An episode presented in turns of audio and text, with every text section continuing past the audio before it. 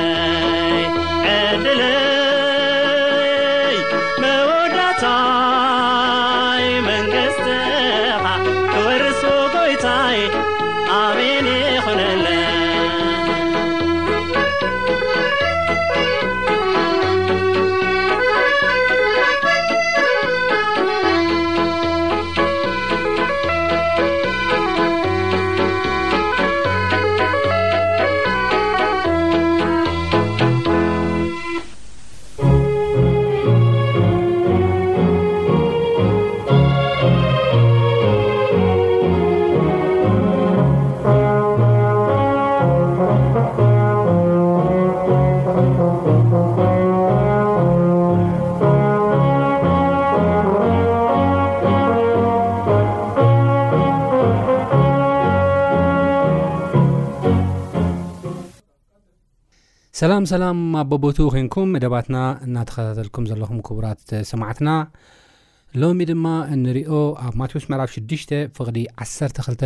ዘሎ ሓሳብ እዩ እንታይ ይብል ንሕና ንዝበደሉና ከም ዝሓደግናሎም በደልና ሕደገልና ይብል ማለት እዩ ኣብ ዝሓለፈ ናይ ቃል ግዜያትና ኢየሱስ ክርስቶስ ንደቀ መዛሙርቱ ዘምሃሮም ጸሎት ኣብ ማቴዎስ ምዕራፍ 6 ካብ ፍቕዲ ትሽዓ ተጀሚሩ ዘሎ ሓሳብ እናረኣና መጺእና ኢና እዚ ማለት ሕድሕድ ቃላት ኣብ ሰማያት ትነብር ኣቦና ስምካ ይቀደስ መንግስትኻ ትምፃእ ፍቓድካ ከምቲ ኣብ ሰማይ ከምኡ ናብ ምድሪ ይኹን ንዕለት እንጀራና ሎሚ ሃበና ዝብል ሓሳባት ኩሉ ቃል ብቓል እናውፀና ርኢና ኢና ዓብዪ ትምህርትታት እውን ረኺብናሎም ኢና እዞም ትምህርትታት እዚኦም ድማ ኣብ ሂወትና ዘምፅዎ ለውጢ እንታይ እዮም ዝብል ርኢና ነና ኪንዮ እቲ ፀሎት ምግባር ኣብ ሂወትና ግን ዓብዪ ዝኾነ በረከት ዓብዪ ዝኾነ ለውጢ ከም ዘለዎም እዩ ዝዛረብ ማለት እዩ ናይ ሎሚ ከዓ እንሪኦ ቅድም ኢለ ከምቲ ዝበልክዎ ንሕና ንዝበደልና ከምዝሓደግናሎም በደልና ሕደገልና ዝብል ሓሳብ እዚ ጥቕሲ እዚ ብዙሓት ሰባት ከንብብዎ ዘይደፍሩ፣ ተንበብዎውን ክትግብርዎ ሓይሊ ዝስእኑ ከቢድ ጥቕሲ እዩ ዝብሉ ውሑዳት ኣይኮኑን። ምናልባት ወላ እኳ ደፊሮም ተንበብዎን ተሰበኽሉን ኣብ ምንባር ግን ኣብቲ ፕራክቲካል ኣብቲ መሬት ዘሎ ሓቂ ግን ሰባት ነዚ ጥቕሲ እዚ ክፍጽምዎ ግን ኣይረኣዩን እዮም። ብሰብ ኣረኣያ ክትርኢ ከለኻ ብዙሕ ምስላታት እውን ኣሎ እዩ ሕንኡ ዘይፈዲ እናተባሃለ ብዙሕ ብዙሕ ብዙሕ ብዙሕ ነገራት ምስላ እውን ወፂሉ እዩ ስለዚ ብዓለም ኣረኣያ ሓደ ሰብ ዝተጎድአ ሰብ ሕነ ንምፍዳይ ልሙድ ወይ ድማ ኣብ ዓለም ዝዝረብ ኮይኑ ኢና ንረኽቦ ማለት እዩ ነገር ግን መፅሓፍ ቅዱስ ዘሎ ሓሳብ ግን ምስቲ ኣብ ዓለም ዘሎ ኣባህላ ተፃራሪ ስለ ዝኾነ እዚ ነገር እዚ ሰባት ንክቐበልዎ ተቐቢሎም ድማ ኣብ ሂወቶም ተግባራዊ ክገብርዎ ኣዝዩ ከም ዝኸብዶም እዩ ዝነግረና ማለት እዩ ንሱ ጥራሕ ግን ኣይኮነን እቲ ሓጢኣተኛ ስጋና ብካልእ ኣባህላ ኣነነት ስስዐ ንዓይ ጥራሕ ዝብል ኣተሓሳስባ ዝመልአ ኣእምሮናን ክፉእን ጎራሕን ተንኮለኛን ተባሂሉ ዝተጠቕሰ ልብናን እዚ ነገር እዚ ፕራክቲካል ንምግባር እዚ ነገር እዚ ናብ ተግባር ንምልዋጥ ኣዝዩ ከም ዝኸብዶ ኢና ንርኢ ማለት እዩ ዋ እሞ ደኣ ኢየሱስ ክርስቶስ ንሕና ደካማ ምዃንና እናፈለጠ ናይ ስጋ ኣተሓሳስባ ዝወረሰና ሰባት ምዃንና እናፈለጠ ከምዚ ዓይነት ጸሎት ንኽንጽሊ እሞ ኸዓ ዕለት ካብ ዕለት ንኽንጽልን ኣብ ተግባር እውን ከነውዕሎን ንምንታይ ጸውዒና ዝብል ሓሳብ እዩ ናይ ሎሚ ዋና ሓሳብ ዝኸውን ዘሎ ንምንታይ እዩ ዝጸልዩ ኢሉ ኸ ዝሃበና ዝጸሎት እዚ እወ ኢየሱስ ክርስቶስ ስጋውያን ጥራሕ ኮይንና ንኽንተርፍ ብዓለም ኣተሓሳስባ ጥራሕ ተዋሒጥና ክንተርፍ ድላዩን ፍቓዱን ኣይኮነን እቲ ዋና የሱስ ክርስቶስ ዝመፅኣሉ ዓላማው ናብ ማቴዎስ ምዕራፍ ሓደ ከድና ንሪኢ ኣለዋን ንሱን ህዝቡ ካብ ሓጢኣቶም ከድሕኖም እዩ ተባሂሉ ንሱን ህዝቡ ካብ ሓጢኣቶም ከድሕኖም እዩ እዚ ሓጢኣት ኦረዲ ዝሰራሕናዮ ጥራሕ ዘይኮነ እዚ ሕጂ ባርያ ጌርና ጽድቂ ንኸይንሰርሕ ከልኪልና ዘሎ ናይ ኣንነት ዝኾነ ባህሪናት እውን ካብኡ ካብዚ ጀቕጀቕ ንኽድሕነና እዩ ኢየሱስ ክርስቶስ እውን መጽዩ ንዕኡ እዩ እውን እዚ ጸሎት እዚ ኣስተውዒልና ክንጽሊ ኣብታ ናይ ትምህርቱ ማእኸል ኣቐሚጡ ዝሃበና ማለት እዩ ካብ ዝገርም ነገር እዚ ጸሎት እዚ ማእኸላይ ጸሎት እዩ ማእኸል ኣብ ማእኸል የቕሪቡ ሰንተር ቶፒኩ እዚ እዩ እቲ ዋና ሓሳቡ እዚ ኢሉ ኣብ ማእኸል ኣቐሚጡ ኣብ ብሉይ ኪዳን ሓደ ልሙድ ዝኾነ ኣፀሓፋ ኣሎ ንሱ ድማ ካስቲክ ስትራክቸር ዝበሃል ስታይል ኣፀሓፋ ኣሎ እዚ ፀሓፋ እዚ መብዛሕትኦም ናይ ብሉይ ኪዳን ፀሓፍቲ ክጥቀምሉ ኢና ንርኢ ማለት እዩ እዚ ፀሓፋ እዚ እንታይ እዩ ነታ ናይ ማእኸል ዝኾነት ሓሳብ ኣጉሊሕካ ንምርኣይ ናይ መጀመርያን ናይ መጨረሻን ሓሳብ ተመሳሳሊ ጌርካ ምቕራብ እዩ እቲ ሰንተር ቶፒክካ ንምእላሽ ማለት እዩ ሕጂ ኣብዚ ከዓ ናይ የሱስ ክርስቶስ ፀሎት ከዓ ከድና ክንረአ ከለና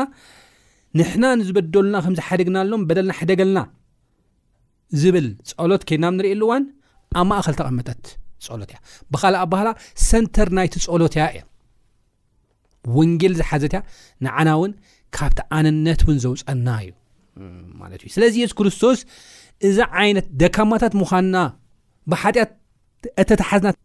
ሰባት ምዃና እናፈለጠ እዚ ፀሎት እዚ ክንፅሊ ዝፈቐደሉ እሞ ከዓ ማእኸል ናይቲ ናይ ፀሎት ትምህርቲ ገይሩ ዘቕረበሉ ዋና ዕላማ እንታይ እዩ ኣዝዩ ወሳኒ ዝኾነ ናይ ህይወት ለውጢ ኣብ ህይወትና ስለ ዘምፅ እዩ ናይ ህይወት ለውጢ ኣብ ህይወትና ጥራሕ ዘምፅእ ጥራሕ ዘይኮነሲ ካብቲ ብሓጢኣትና ዝመፅእ ሽግራት እውን ስለ ዘድሕነና እዩ ክንገልፆ ዘይንኽእል በረኸት ኣብ ፀሎት እዚ ስለ ዘሎ እዩ ኣነ ዝተወሰነ ክጠቅስ እየ ኣብ ዝቕፅል መደባትና ግን ክንገልፆ ዘይንኽእል በረኸታት ስለ ዘሎ እዩ ተቐዳማይ ሓደ ክንገልፆ ዘይንኽእል ሓደ በረኸት ኣነ ቁርብ ጥራሕ ክጠቕሰልኩም ሓቀኛ ዝኾነ ናይ ንስሓ ጸሎት ንክንለማመድ ስለ ዝረዳእና እዩ እቲ ካልኣይ ናይ ሕልና ክሲ ናይ በደለኝነት ስምዒት ካባና ስለ ዘወግዶ እዩ። እቲ ሳልሳይ ከኣ ዝተትረፍረፈ ናይ እግዝኣብሄር ጸጋ ክንቅበል ስለ ዘኽእል እዩ። እዚ ሕድሕድ ኣብ ዝቕጽል መደባትና ክንሪኦ ኢና። እዚ ጥራሕ ግን ኣይኮነን ብዙሕ በረኸታት ንስኹም እውን እትውስኹሉ ብዙሕ በረኸታት ኣብዚ ጽሑፍ እዚ ኣሎ እዩ። ስለዚ እዚ ጽሑፍ እዚ ብደንቢ ምስትውዓልን ብደንቢ ምርዳእን ብደንቢ ምንባብን ኣገዳሲ ይኸውን ማለት እዩ እሞ ናብቲ ዝቕጽል ሓሳበይ ክኣቱ ከለኹ እዚ ጸሎት እዚ ከቢድ እዩ ከም ዝበልክዎ እዚ ጸሎት እዚ ከቢድ እዩ ከምቲ ዝበልክዎ ሓደ ታሪክ ተጻሓፈ ኣሎ ንሱ ድማ ናይ ሓደ ቫንብሮክ ዝበሃል ሰባ እዩ እዚ ቫንብሮክ ኣዚ ግፍዒ ዝሰርሐ ሰብ እዩ ግፍዒ ሰሪሑ ግን ኣብ ቤት ፍርዲ ቀሪቡ እዩ ኑዛዜ ዝህብ ዘሎ ሞ እቲ ኑዛዜኡ ክንበብ ከሎ እቲ ዝሃቦ ኑዛዜ ዝተናዘዞ ነገር ክንገር ከሎ ኣብቲ ቤት ፍርዲ ብጣዕሚ ዝዝግንን እዩ ነይሩ ነታ ከሳሲት ኣብ መወዳእታ ዝሰምዑ ኣብቲ ቤት ፍፍሪ ዝነበሩ ሰባት እንታይ ክትደሊ እዚ ሰብ እንታይ ዩ ክግበሩ ዝደሊ ኢሎም ዝመለሱላ ኩነት እዩ እንታይ ገይሩ ቫንብሮክ ቅድሚ ብዙሕ ዓመታት ቅድሚ 2ስራ ዓመት ልዕሊ ኡን ዝኸውን ዓመታት ነዛ ሰበይቲ እዚኣ ዓባይ ሰበይት እያ ወዳ ወሲዱ ቀትልና ነይሩ ደድሕሪኡ ወሲኹ ድማ እንደገና ሰብኣያ ወሲዱ ናበይ ከም ዝደርበዮ ቀቲልዎ ድዩ ጉሒፎ ድዩ ኣይፍለጥን ወሲዱ እንደገና ኣፈላለዩዋ ድሓር መበል ሳልሳይ እንደገና መፅኡ ድማ ንዓኣ ወሲዱ ናብ ሓደ ገምገም ባሕሪ ከም ዝወሰዳ ድሓር ኣብኡ ከዓ ሓደ ነገር ከም ዘረኣየና ንርኢ ሰብኣያ እግሩን ኢዱን ኣጣሚሮም ኣሲሮም እናገረፍዎ ብዘይ ዕረፍቲ የርእያ ማለት እዩ ሰብኣይ ኣብ ኣዝዩ ከቢድ ስቓይ ካብ ምዃኑ ዝተላዕለ ኣብ ሞትን ኣብ ሂወትን እዩ ዘሎ ክቐትልዎ ይደለዩን ድሓር ንዓ ክሪኣ ከሎ ናይ መጨረሻ እንታይ ይገብር ላምባ ኣብ ልዕሊኡ ይንስንስ እሞ ከቃፅሎ ምስ በለ እቲ ተኣሲሩ ኣብ ስቓይ ዝነበረ ሰብኣያ እግዚኣብሄር ኣምላኽና ዝገብርዎ ኣይፈልጡን እዮም እሞ ይቕረ በሎም ኢሉ ከም ጸለይና ንርኢ እዚ ክጽሊ ከሎ እታ ሰበይቲ ሰሚዓት ሰብኣያ ቅድሚ ምማቱ ማለት እዩ እዚ ኑዛዜ ምስ ሰምዖ ከምቲ ቅድም ኢለ ዝበልክዎቶም ቤት ፍርዲ ኣዝዮም ሓዚኖም ኣዝዮም ጉዮም ዝበልክዮ ነገር ግበሪ እዚ ሰብኣይ እዚ ዝኾነ ነገር ክኸውን እዩ ኢሎም ከም ዝሃቦ ኢና ንርኢ እዚ እታ ሰበይቲ መልሲ እንታይ ከም ዝኾነ ኣድላይ ኣይኮነን ግን ከምዚ ዓይነት በደል ዝበጽሓ ሰበይቲ እያ ሕጂ ካብ ክርስቶስ የሱስ ይቕረ በሊ ንዓኺ እውን ይቕረ ክበሃለልኪ ዝበሃላ ዘሎ ማለት እዩ ከቢድ ጸሎት እዩ እዚ ከቢድ እውን ከምቲ ሕጂ ደጋጊመ ዝብሎ ዘለኹ ዓብ ዝኾነ ወሳኒ ዝኾነ ናይ ህይወት ለውጢ ኣብ ህይወትና ስለ ዘምፅእን ዋላ ከቢድ እተኾነ ናይ ህይወት በረኸትን ሒዙና ስለ ዝመፅ እዩ እዛ ጥቕሲ ብፍላይ ኬድና ብ ንርእየሉ እዋን ብደንቢ ጌርና ብ ነስተውዕለላ እዋን ሓደ ሓሳብ ከነስተውዕል ደሊ ንሳ ድማ እንታይ እያ ትብል ንሕና ንዝበደሉና ከም ዝሓደግናሎም በደልና ሕደገልና እዩ ዝብል በደልና ሕደገልና ዝብል ቃል ወይ ድማ በደል ተባሂሉ ተጠቂሱ ዘሎ ብናይ ትግርኛ መፅሓፍ ቅዱስና ከድና ንርእየሉ እዋን ኣብ ናይ እንግሊሽ መፅሓፍቲ ከድና ንርእየሉ እዋን ዕዳ ተባሂሉ ተጠቒሱ ኢና ንረኽቦ። ዕዳ ምስ በደል ኣታሒዙ ከቕርቡ ከለ ኢና ንርኢ። ዕዳ ደብት ፎርጊቭ ኣዝ ኣር ደብት ወይ ድማ ዕዳና ሰርዘልና ዕዳ ከምቲ ናይ ሰብ ከም ንስርዝ ኢሉ እዩ ዘቕርቦ። እንታይ ማለት እዩ እዚ ሓደ ሰብ ንኻልእ ይቕረ ክብል ዝኽእል ንባዕሉ በደለኛ ከም ዝኾነ ንባዕሉ ሓጢኣተኛ ከም ዝኾነ ከዝተውዕል ከሎ ጥራሕ እዩ መፅሓፍ ቅዱስ ድማ እንታይ እዩ ዝብለና ዕዳ ኣለኩም እዩ ዝብለና እግዚኣብሄር ንሰብ ብመልክዑ ከም ምስሉ ፈጠሮ ይብለና መጽሓፍ ቅዱስ ናይ ህይወት እስትንፋስ ድማ ኡፍ በለሉ እማ ህያው ነፍሲ ኮነ ይብለና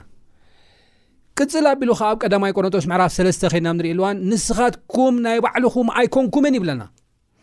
ናይቲ ኣባኹም ሓዲሩ ዘሎ ናይ መንፈስ ቅዱስ ኢኹም ናይቲ ፈጣሪኹም ናይ እግዚኣብሄር ኢኹም ንስኹም ናይ ባዕልኹም ኣይኮንኩምን ይብለና ክንፍጠር ከልና ንሕና ናይ ባዕልና ኣይኮናን ናይቲ ፈጣሪና ኢና ናይ መንፈስ ቅዱስ ኢና ናይ እግዚኣብሄር ኣምላኽ ኢና እምበር ንሕና ናይ ባዕልና ኣይኮና ስለዚ ናትና ኣብ ዘይኮነ ህወት ህወትና ኣባላሽና ሓጢኣት ሰሪሕና ወዲቕና ዘይከፈልናዮ ዕዳ ኣሎ እዩ ዘይከፈልናዮ ዕዳ ኣሎ እዩ መጽሓፍ ቅዱስ እንታይ እዩ ዝብለና? ኣዳምን ሄዋንን ሓጢኣት ሰርሑ ይብለና። ካብ ዝተላዕለ ከኣ ኣዳምን ሄዋንን ጥራሕ ዘይኮነስ ኩሎም ሓጢኣት ሰሪሖም ክብሪ ኣምላኽ እውን ስኢኖም እዮም ይብለና። ብሓጢኣት ምክንያት ድማ ህይወት ደቂ ሰባትን ህይወት እዛ ዩኒቨርስን ህይወት እዛ ምድርን ከም ዝተበላሸወ ብልሽውሽው ከም ዝወፀ ኢና ንርኢ እግዚኣብሔር ዝፈጠሮ ኣብቲ ኣዳምን ሄዋን ድማ ክነብሩ ዝፈቐደሎም ቦታ ኤደን እዩ ዝበሃል ነይሩ ናይ ሓጎስ ቦታ ናይ ሰላም ቦታ ዝነበረ ናይ ህውከት ቦታ ናይ ዕግርግር ቦታ እውን ገይሮሞ እዮም ኣከባቢም ኣባላሸሞ እዮም ሂወቶም ኣባላሸሞ እዮም ሓሊፉ እውን ናይ ሓዎምን ናይ ሓፍቶምን ህይወት እውን ኣባላሽዮም እዮም ደቂ ሰባት ስለዚ ብሓጢኣት ናቶም ዘይኮነ ህይወት ኣባላሽዮም ናቶም ጥራሕ ተባላሽ ግና ይተረፈን ኣከባቢ ብምሉእ ተባላሽ እዩ ናይ ጎረቤቶም እውን ኣባላሽ እዩ ኣዳም ሄዋን ንሕና እውን ተዋና ማለት እዩ ስለዚ ዓስቢ ሓጢኣት ከዓ ይብለና መፅሓፍ ቅዱስ ሮሜ ምዕራፍ 6 ፍቅዲ 2ስራ ከድና ንሪኢ ኣለዋን ዓስቢ ሓጢኣት ከዓ ሞት ይብለና ውበ ጸጋ ኣምላኽ ግን ብክርስቶስ የሱስ ናይ ዘላለም ህይወት ይብለና ስለዚ ዓስባ ሓጢኣት እንታይ እዩ ሞት እዩ ስለዚ ንሕና ሓጢኣት ብምስራሕና ኣብ ናትና ዘይኮነ ህይወት ሓጢኣት ሰሪሕና ነታ እግዚኣብሄር ዝሃበና ናይ እግዚኣብሄር ህይወት ብምብልሻውና ዘይከፈልናዮ ቅፅዓት ኣሎ ንሱ ድማ ናይ ሓጢኣት ዓስቢ ዝኾነ ናይ ሓጢኣት ደሞዝ ዝኾነ ሞት እዩ ዘልኣለማዊ ሞት እዚ ሕጂ ንሞተ ዘለና ኣይኮነን መጽሓፍ ቅዱስ ዝብለና ዘሎ ዘልኣለማዊ ሞት ዘልኣለም ናብ ሓመድ ምቕያር መዓስ እዩ ዝኽፈል ኣብ ካልኣይ ሞት ክርስቶስ እንደገና ክምለስ ከሎ እዩ ዝኽፈል እዚ ዋጋ እዚ ዘይከፈልናዮ ዕዳ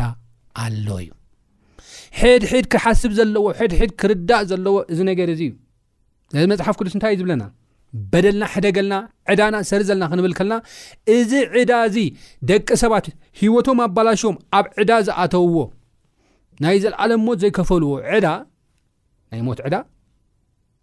ባዕሎም ክስርስዎ ስለ ዘይክእሉ ፈቶቶም ክስርዝሎም ስለ ዘይክእል እንደገና ገንዘቦምን ዓቕሞምን ክስርዘሎም ስለ ዘይክእል እቲ ብሕታዊ ክስርዘሎም ዝኽእል ኣምላኽ ብክርስቶስ የሱስ ገይሩ ንኽስርዘሎም በደልና ይሕደገልና ኢልኩም ጸልዩ ኣንለሴ እንዳ ኣዘርዋይስ በደልኩም ኣይሕደገልኩምን እዩ በደልኩም ተሓደግልኩም ከዓ ናይ ዘለዓለም ሞት ክጠፉ ኢኹም ዝብል እዩ እቲ ሎጂክ ናይ መፅሓፍ ቅዱስ ዝዛረበና ማለት እዩ ስለዚ ኣብዚ ከነስተውዕሎ ዝድለ ነገር ተሃለወ ነገር እንታይ እዩ ደቂ ሰባት ህይወቶም ኣብ ዘይኮነ ነገር ኣባላሾም ዝፈጠርዎ ናይ ሞት ዕዳ ዘዋህለልዎ ናይ ሞት ዕዳ ከም ዘሎ ሓጢኣተኛታትን ምዃኖም ተገንዚቦም ተረዲኦም ክጽልይዎ ከም ዘለዎም እዩ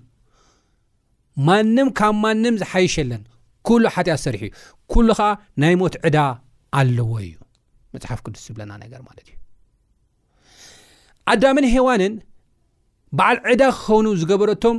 ዓሰርተ ሓጢኣት ወይ ዒስራ ሓጢኣት ወይ ሰላሳ ሓጢኣት ኣይኮን ሓንቲ ሓጢኣት እያ ንሳ ድማ ካብ ኩሉ ኦም ገነት ብልዑ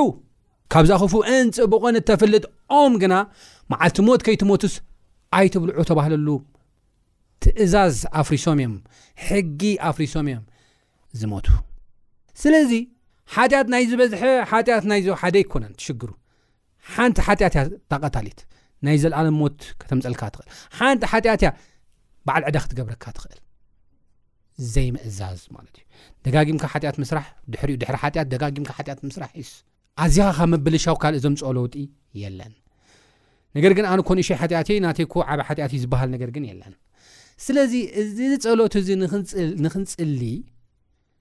ሓደ ክንርድኦ ዘለና ነገር ንሕና እንታይ እዩ እንተደኣ ኢልና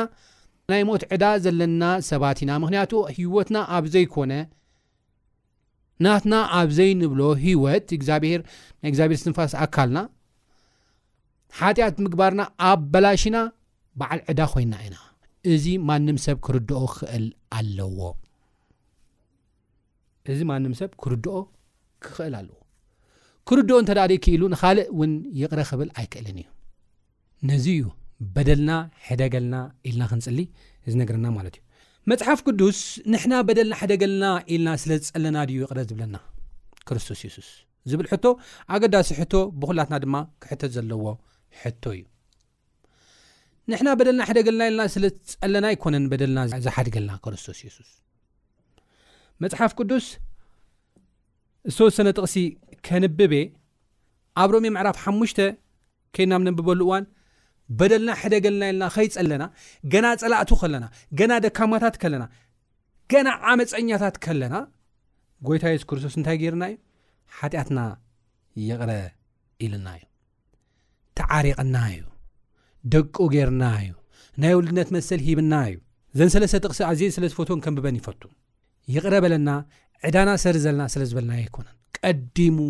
ሰሪዝልና እዩ እንታይ ይብል ገና ድኹማት ከለና ይብል ቅድም ኢለ ነጊረኩም እየ ንሕና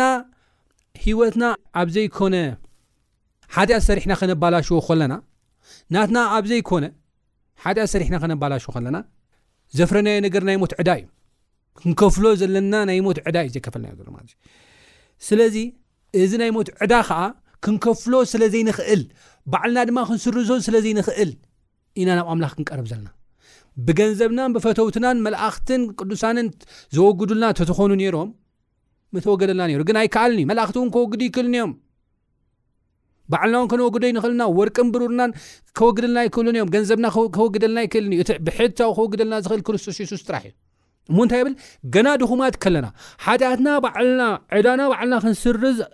ኣብ ዘይንኽእለሉ ባዶ ኣብ ተስፋ ዘይብሉ ኩነታት ኮይና ከለና ክርስቶስ ብግዜኡ ምእንቲ ዓመፅቲ ሞተ ገና ኣነ ብጣዕሚ ዝገርመኒ ነገር ኣሎ ብዚ ሓሳብ እዚ ገና ድኹማት ከለና ብዘይ ተስፋ ከለና ንሱ ምእንቲ ዓመፅቲ ሞተ ይብለና ቀፂሉ ድኹማት ጥራሕ ኣይኮናን ኔርና ህይወትና ኣባላሽና ድኹማት ጥራሕ ኣይኮናን ነገር ግን መጽሓፍ ቅዱስ ኣብ ቆላሳስ ምዕራፍ ሓደ ፍቕዲ 20 ሓደን እውን ከድና ንርእየሉ እዋን ብሓሳባትናን ብተግባራትናን ኩሉ ጸላእቲ ኣምላኽ ኢና ነርና ንሱ ስለ ዓመፅቲ ሞተ ጸላእቱ ኮለና ድኹማት ከለና ንሱ ስለ ዓመፅቲ ሞተ